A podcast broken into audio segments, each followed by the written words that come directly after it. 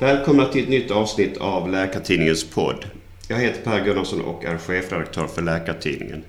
Idag kommer jag att prata med Åsa Derolf, ordförande i Region Stockholms läkemedelskommitté och chef för läkemedelsenheten inom hälso och sjukvårdsförvaltningen. Välkommen hit! Tack så mycket! Jag har bjudit in dig med anledning av att du nyligen har börjat dessa uppdrag. Och jag tänkte att vi börjar med att du berättar lite om dig själv och hur din läkarkarriär har sett ut så här långt. Ja, nej men jag är hematolog och internmedicinare och har gjort den utbildningen på Karolinska där jag också har jobbat egentligen de senaste 20 åren i olika roller. Eh, dels såklart som specialistläkare men också en del med undervisning av läkarstudenter. Eh, jag har gjort mitt avhandlingsarbete eh, inom akuta leukemier, mycket fokus på epidemiologi.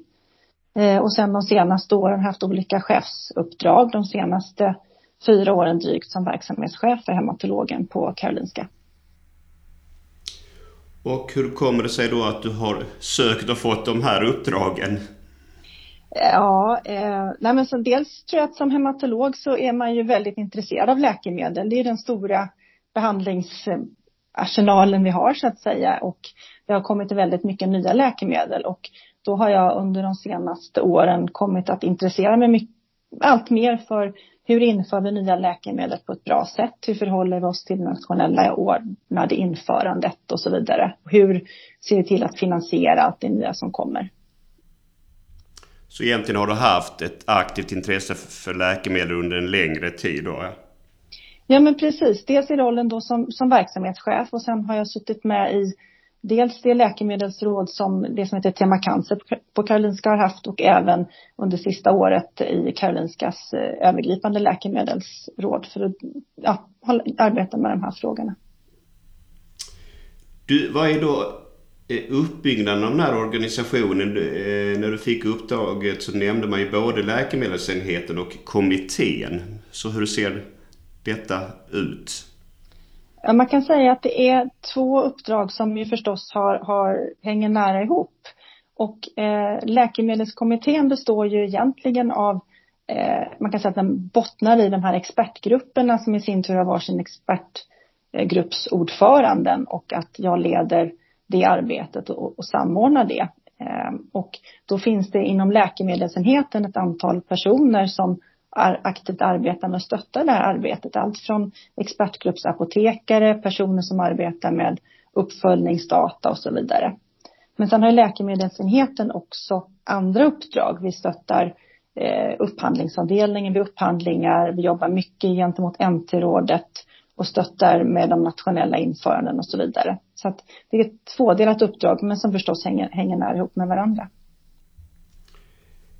Det finns ju då, som du nämnde, en rad uppgifter här. Går det att peka ut några som mer prioriterade? Eh, ja, det är lite svårt kanske, men, men jag tycker att det handlar ju väldigt mycket om att få ut eh, bra rekommendationer. Expertgrupperna skriver ju väldigt mycket bra rekommendationer som stöd för, för de som arbetar i vården för att det ska vara lätt att göra rätt och att, att få tag i, i de nyheter som kommer.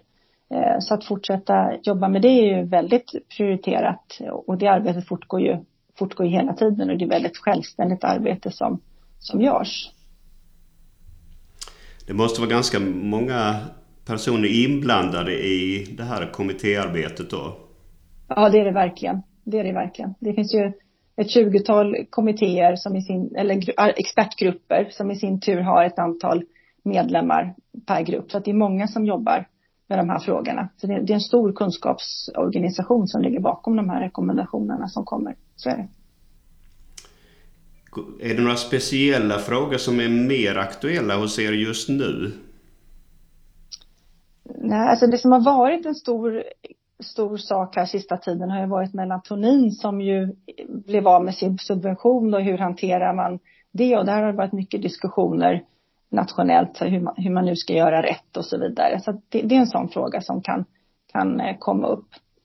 Eh, sen så kommer det ju nya, eh, nu har jag inte hunnit haft mer än ett möte hittills så att jag, eh, vi får se lite grann vad som, vad som bollar upp där. Men det kommer ju nya läkemedel hela tiden. Det kommer nya indikationer, det kommer nya rekommendationer som man behöver förhålla sig till.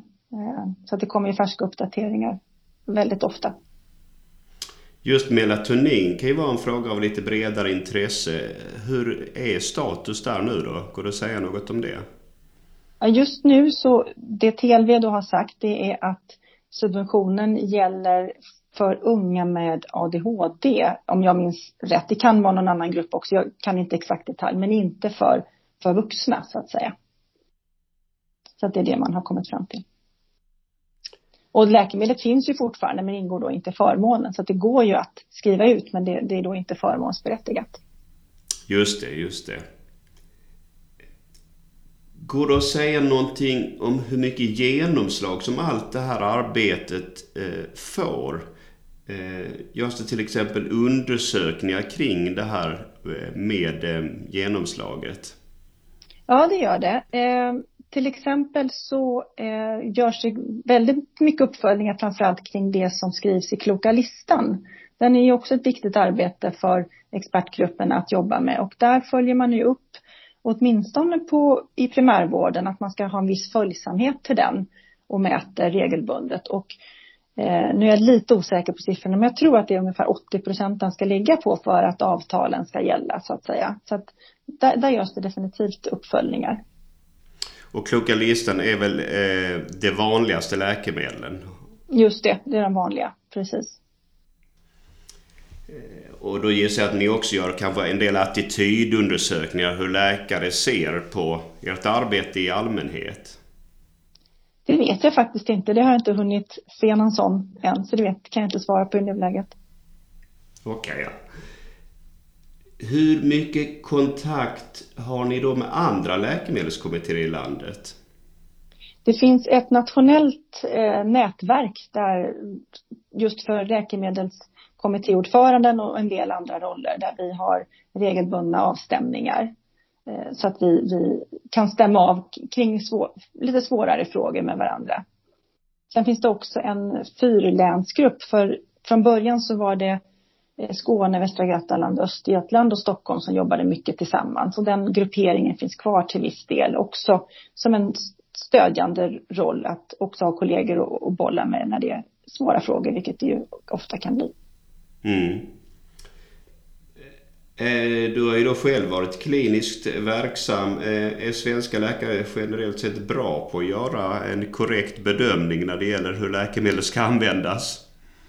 Ja, det tycker jag generellt. Men jag tror att man kan vara bättre på att förstå hur fungerar det nationella införandet, det här ordnade införandet. Vilka processer finns det? Och eh, vad är syftet så att säga? Man, det kan ibland finnas en frustration. Man vet att läkemedlet finns, att det är godkänt, men det är inte prisförhandlat. Eh, och, och, man kan vara lite otålig i vissa lägen, att man vill börja använda det direkt och det kan bli påtryckningar från patientgrupper och så vidare. Och jag tror att man kan man kan bli ännu bättre på att, att jobba med en förståelse av processen och varför den, varför den behövs. Mm. Så det handlar i så fall om att kanske återkommande informera om just det du säger. Hur processen ser ut för att öka förståelsen för den. Ja, precis. precis. Vet du någonting om hur mycket en så kallad vanlig läkare på golvet hör av sig då med synpunkter till er? Det vet jag inte än. Jag vet att det kommer in frågor. Det finns ju funktionsbrevlådor till, till vår webbsida Janusinfo och, till, och så vidare. Men jag har inte koll på hur, hur ofta det används. Nej, men möjligheten finns att höra av sig med frågor och synpunkter till er? Absolut, det gör det. Eh, läkemedelsindustrin är en viktig aktör i det här sammanhanget. Eh, händer att de hör av sig ibland och är missnöjda med era bedömningar? Eh, det vet jag inte riktigt. Jag tror att det kan ha hänt, men, men eh, jag har inte varit med i någon sån situation än. Och ofta så tror jag att det kanske mer kommer upp på nationell nivå när det är TLV och NT-rådet. För det är egentligen där de grundläggande besluten fattas. Just det, ja. En återkommande diskussion gällande läkemedel gäller ju vad som kan ses som dyra preparat. Eh, jag gissar att detta kan vara ganska svåra situationer att hantera. Eh, framförallt de som då eh, slutar med att en patient kanske vägras en existerande behandling. Har du några funderingar kring den här situationen? Mm, ja, det har jag ju. Den, den är ju svår. Den, det är alltid svårt när det handlar om individer som, som, där det finns en behandling som de av olika skäl inte kan, kan få. Det är ju en, fast man säga, det finns ju många olika situationer eller anledningar till, till att det kan uppstå. Eh, varav en ju kan vara en prissättning som är väl, ett pris är satt så väldigt högt att det blir orim, orimligt i relation till, till vad man kan tänka sig att betala för det som effekten, effekten blir. Eh, det finns ju också situationer där effekten kanske inte är så tydlig men det kanske är det enda läkemedlet som finns och då blir det ju väldigt då blir det ännu svårare kanske att, att göra en, en riktigt objektiv eh, värdering när, när det finns få alternativ. Hur, hur, tycker du då man ska försöka handskas med de här svåra situationerna? Jag tror att vi behöver ha det här ordnade införandet och, och fortsätta jobba med de analyser som man, som man gör. Och sen har man ju en, en allmän inställning att vid ovanliga tillstånd, vid svåra tillstånd så godkänner man ju andra priser än man gör vid mer enkla tillstånd som inte ger lika svåra eh, sjukdomstillstånd. Så att eh, jag tycker nog att vi har en bra grundprocess. Men även om vi har det så kommer det ju alltid finnas eh, situationer som blir svåra. Och eh, det är många kompetenta personer som jobbar med det här som diskuterar och bollar med varandra. Eh, så att det är ju sällan beslutet hamnar hos en enskild person utan det finns ju väldigt hög kompetens kring de här frågorna för att göra så bra bedömningar som möjligt. En sån här behandling som jag gissar att du varit inne och diskuterat tidigare inom ditt område, hematologin, är ju den här väldigt dyra behandlingen. Eh, man pratar om kring 3 miljoner kronor för en behandling. Eh, kan du säga någonting om den diskussionen? Du menar kartlercellsbehandlingen ja, eller? Precis. Ja, ja men precis. Nej men där har man ju eh, Nej men där, där har man ju försökt göra så bra bedömningar som möjligt och eh, det är en dyr behandling men det, den kommer in i situationer där man inte har så mycket annat val. De andra behandlingarna som man kan ge är också dyra och medför mycket sjukdom och så vidare. Eh, jag har själv inte suttit med i prisförhandlingar eller så kring det här, men jag tycker, vad jag har förstått från, från mina kollegor som har suttit med, att det har varit en, en bra process och man försöker jobba mer och mer nationellt också kring det här. Från början så blev det mycket regionalt och alla ville kanske vara lite först på bollen, men sen har man landat i ett sätt att, att jobba nationellt med detta också som jag tycker har blivit, blivit bra. Vi kanske ska säga lite kort vad, vad behandlingen går ut på. Oj, eh, ja, det kan jag inte... Uh, det var... ja, men ta bara väldigt enkelt.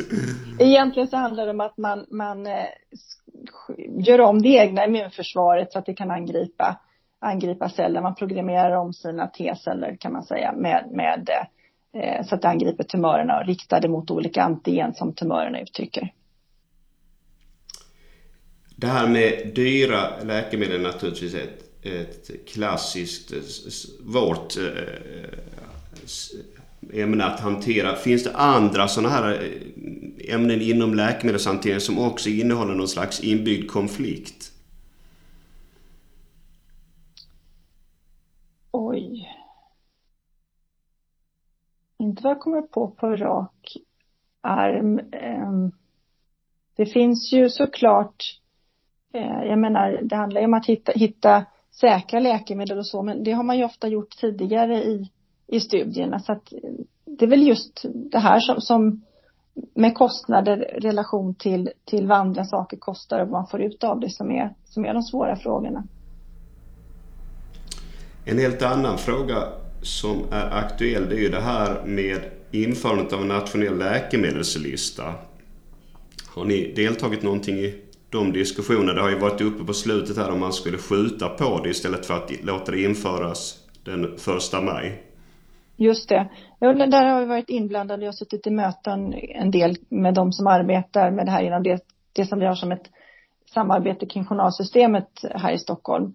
Eh, och det finns ju en del utmaningar i det som det är gjort nu. Eh, syftet har ju varit väldigt gott. Man vill få en bättre överblick över vilka läkemedel patienten har. Men det finns en del svagheter i det och det pågår ganska mycket arbete för att eh, visa på dem och kommunicera kring dem gentemot eh, E-hälsomyndigheten så att man kan göra en bättre version förhoppningsvis framöver.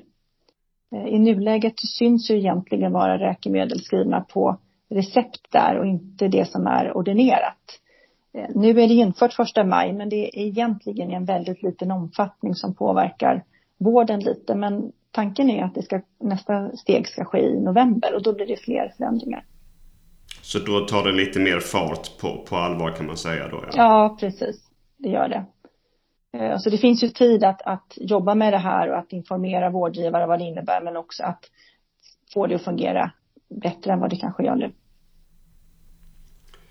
Om vi går över till ett annat aktuellt ämne, nämligen den pågående pandemin. Har du påverkats på något sätt själv av den? Sitter du kanske hemma och jobbar?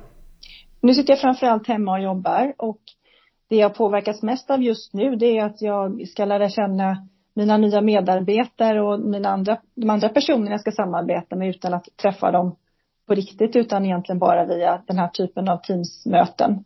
Eh, så det försvårar ju förstås att, att lära känna en ny verksamhet. Så det är mm. så som det påverkat mig personligen kan jag säga i det här nya jobbet. Just det, så att det fysiska mötet får skjutas lite framåt då ja. Ja, man springer inte på varandra vid kaffemaskinen och kort kan fråga hej hur är läget idag utan det blir de här bokade tiderna och så ringer man och pratar och, och så. Så det blir på ett annat sätt. Det måste ju användas ganska många olika läkemedel i behandlingen av covid-19. Har ni fått lägga en hel del tid på diskussioner när det gäller dessa läkemedel? Jag kan inte riktigt svara på det, för det har inte varit några sådana diskussioner än sedan jag började den här månaden. Eh, det kommer ju en del nya och det finns ju många nya på gång in också. Eh, så det kommer säkert att bli fortsatt diskussioner kring det de har ju gått lite grann vid sidan av det här vanliga införandet just för att det har varit bråttom och det har varit pandemi.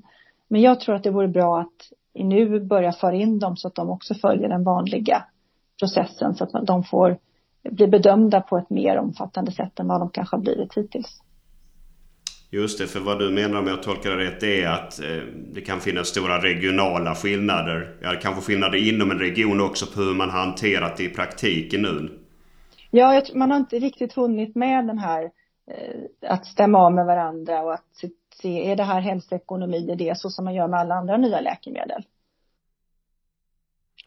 Ja, det är den uppfattningen jag har fått av det jag har försökt sätta mig in i där i alla fall. Mm. Jag såg också att ni inom regionen nyligen publicerat ett vårdprogram för eh, covid-19 i Stockholm. Och då eh, tänkte jag på den här klassiska frågan som ofta kommer med vårdprogram. Måste varje region ha sitt eget vårdprogram? Kan det inte finnas ett vårdprogram? Nu finns det ju ett nationellt också, men kan det inte bara finnas ett nationellt vårdprogram för alla läkemedel och alla behandlingar?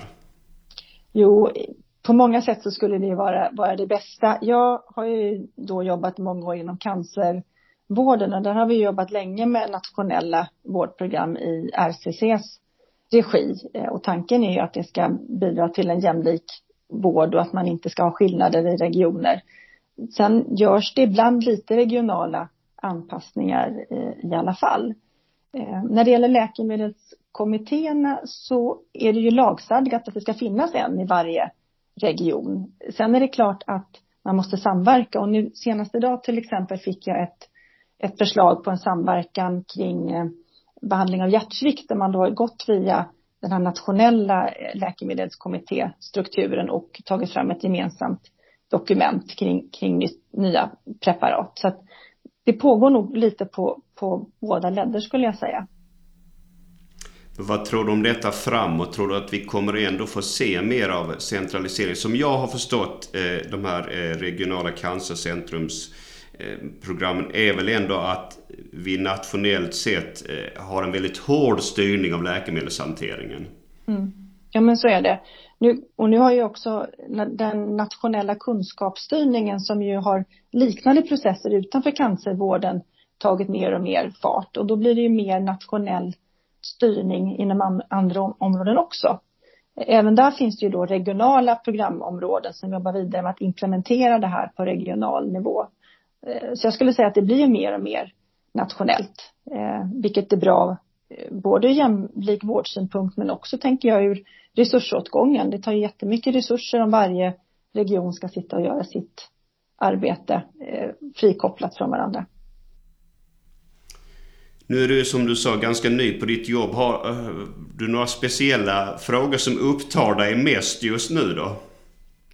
Nu handlar det mycket om att sätta, mig in i arbetet, att eh, eh, förbereda mig för möten. Vi ska till exempel ha läkemedelskommittémöte den här veckan, sätta mig in i vilka frågor vi behöver ta upp. Eh, den här veckan har vi också möte i arbetsgruppen för nya läkemedel där vi har frågor på remiss från NT-rådet som vi ska bedöma.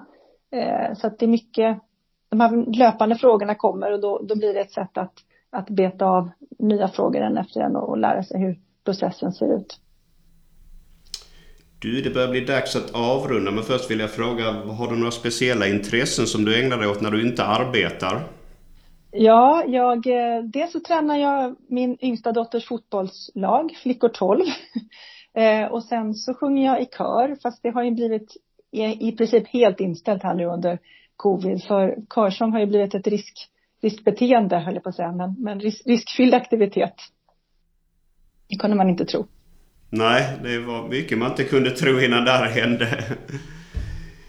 Då vill jag säga stort tack för att du ville vara med idag och om ett tag kommer nästa avsnitt av denna podd. Hej så länge!